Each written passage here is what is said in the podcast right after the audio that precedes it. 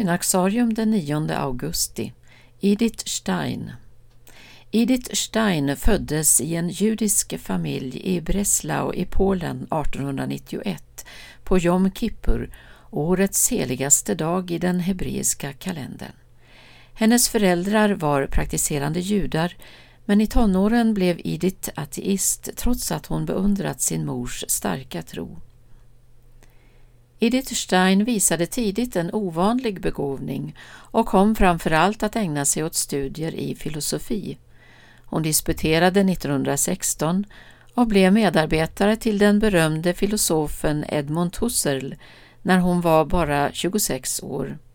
Hon skrev flera filosofiska verk men var likväl inte tillfreds med vad hon fann. Långsamt började hon nu orientera sig mot kristendomen.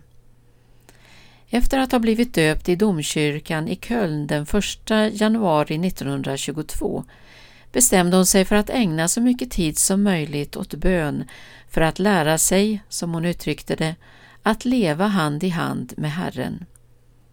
Samma år som Hitler kom till makten i Tyskland 1933 inträdde Edith Stein i ett karmelitkloster i Köln efter lång tids reflektion.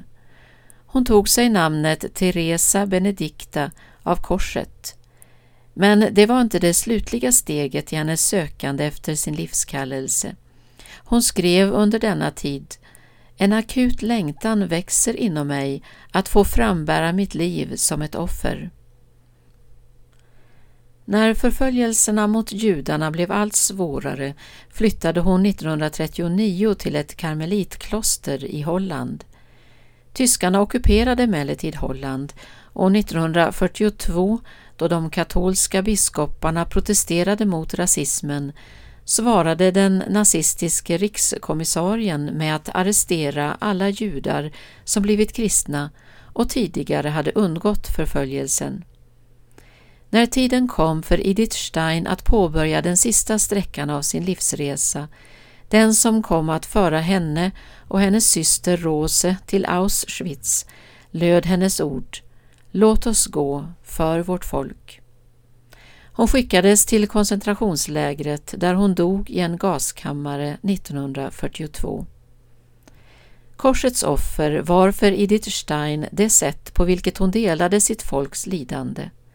I sin död förenades hon med Jesus Kristus, den lidande tjänaren, som framburit sig själv med evig ande och genom kärlekens renande eld skänkt lidandet en mening.